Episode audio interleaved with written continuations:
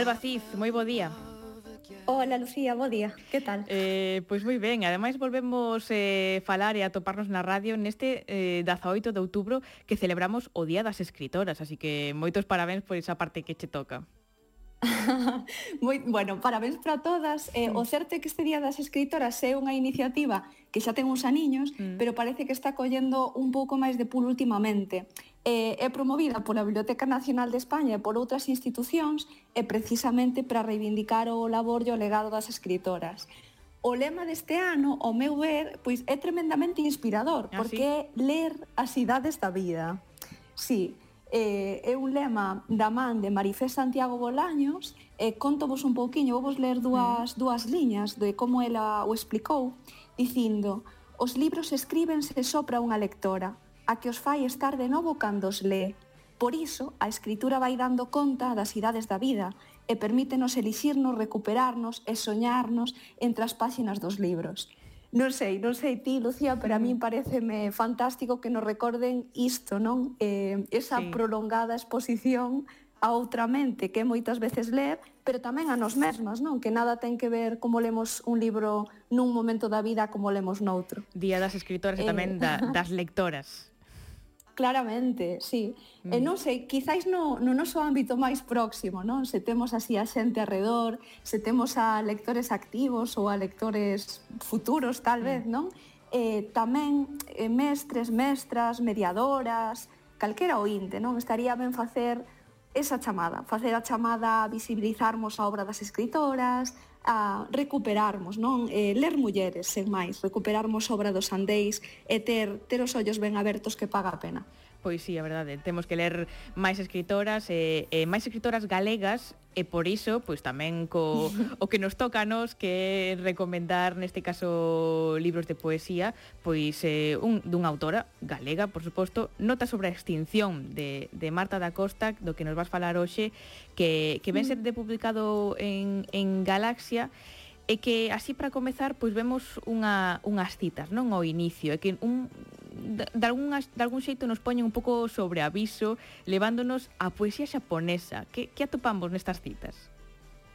Pois sí, eh, eu penso que estas catro citas que la coloca, que ademais son das a maior parte das citas do poemario están aquí, non? Están neste inicio, mm. son un pórtico luminoso para un poemario que logo imos sentir que é demorado eh, sí que nos, nos valen para tomar a actitude poética que o libro require.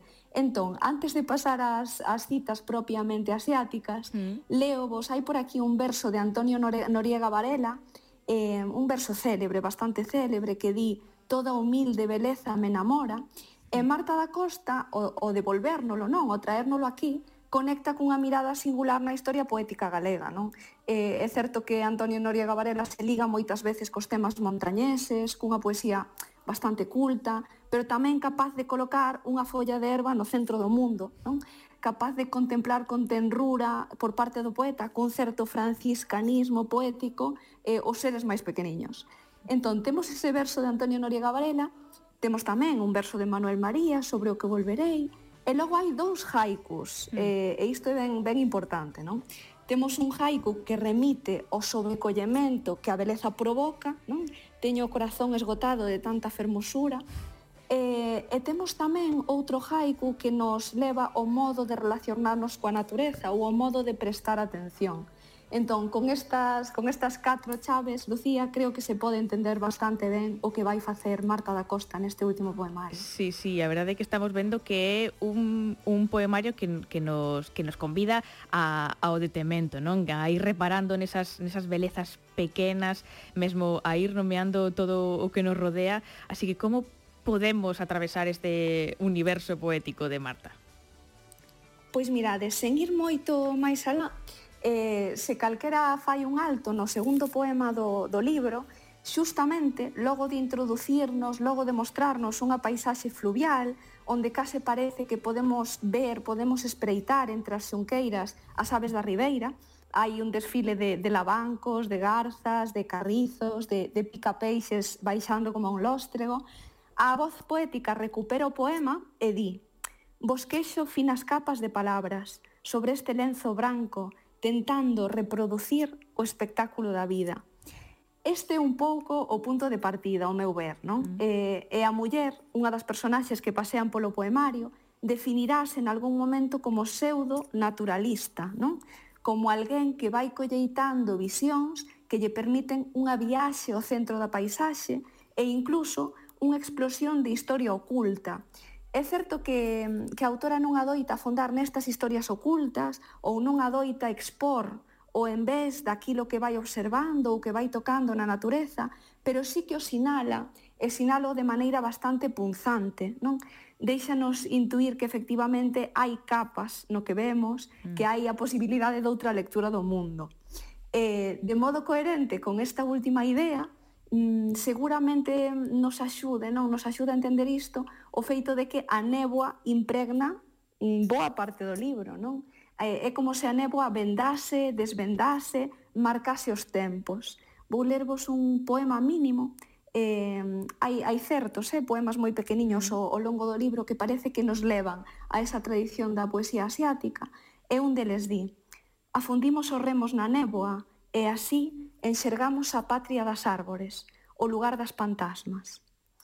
Entón, eh, durante a maior parte dos poemas eh, poderíamos dicir que, que a voz contempla o que ten diante dela e vai escriturando e de alguna maneira devolvenos a ilusión pois do título, do título poemario, mm. de que a, te, da, a técnica fundamental que temos aquí é unha compilación de notas capaces de mm, trazar o itinerario da mudez, que é algo que, que tamén vai dicir eh, por dar así non dúas pistas máis, Lucía, mm. é certo que chega, non? A, esta voz chega a desexar unha metamorfose, eh, unha metamorfose animal, hai un momento no que vai querer ter pés palmípedes, non? Poder abrir os ollos baixo a auga, poder mergullarse sen límite, pescudar, pero moitas outras simplemente en soidade, non? Camiñando, desexa a lectura. Desexa ser capaz de, de descifrar un xesto, como pode ser a danza das abellas. Non? Eh, é certo que lle dá preponderancia, non? que ten moita importancia a natureza, estes elementos da natureza, mm. pero pouco a pouco vai aparecendo a palabra, vai aparecendo a importancia da palabra como un eixo sobre o que xira toda a nosa realidade eh, eh, é unha das palabras eh, que tamén vemos no, no título, extinción, nota sobre a extinción. Eh, a, que, a, que, a que extinción se está, se está facendo referencia, non? Eh, e tamén, pois, mm, como poderemos, eh, que tamén nos gusta relacionar eh, os poemarios co, co que se está facendo actualmente na, na poesía, neste caso, con que poderíamos relacionar? Pois sí, eh, seguramente o fundamental neste poemario sexa a conciencia aguda dunha perda das palabras. Eh, o inicio, cando fixemos esa revisión das, das citas que facían de pórtico, deixei vos sen, sen dicir, non? A de Manuel María. Sí. A de Manuel María é outra ben célebre, que é o idioma é a chave coa que abrimos o mundo. Entón, eh, de alguna maneira, o poemario tamén nos convida a pensar que acontece coas palabras, non? Que acontece, por exemplo, coas especies do mundo as que damos ás costas? Que acontece con todas esas palabras que deixamos de empregar? eh, e que simplemente parecen resistir no dicionario, pero seren po, que é algo que, que aparece no poemario, non? Seren po no día a día. Eh, nalgún momento leo vos o nome das pavías a se esfarelar neste frío sen neve. E nalgún outro poema, por exemplo, a autora chega a acaparar, vai trenzando todas estas palabras sobre a esquela, non sente esta especie de perigo de extinción e vai reclamar espazo e sonoridade para elas eh, hai un poema mostrario, un poema moi torrencial, eh, moi fermoso, que comeza dicindo Arxe, Cerbúa, Cidra, Estraloque, Algaria, Vica, Labanco, Loia, Tartaraña, Morote, non? E, e así segue. De alguna maneira, pois, poñendo, non? Poñendo o dedo nesa chaga que é efectivamente a desta extinción tamén das palabras. En fin, non vos hmm. descubro nada se vos digo que, claro, que esta extinción está ligada, claro, a unha perda da memoria e das mudanzas dos xeitos de vida. Sí. Da, evidentemente, sí.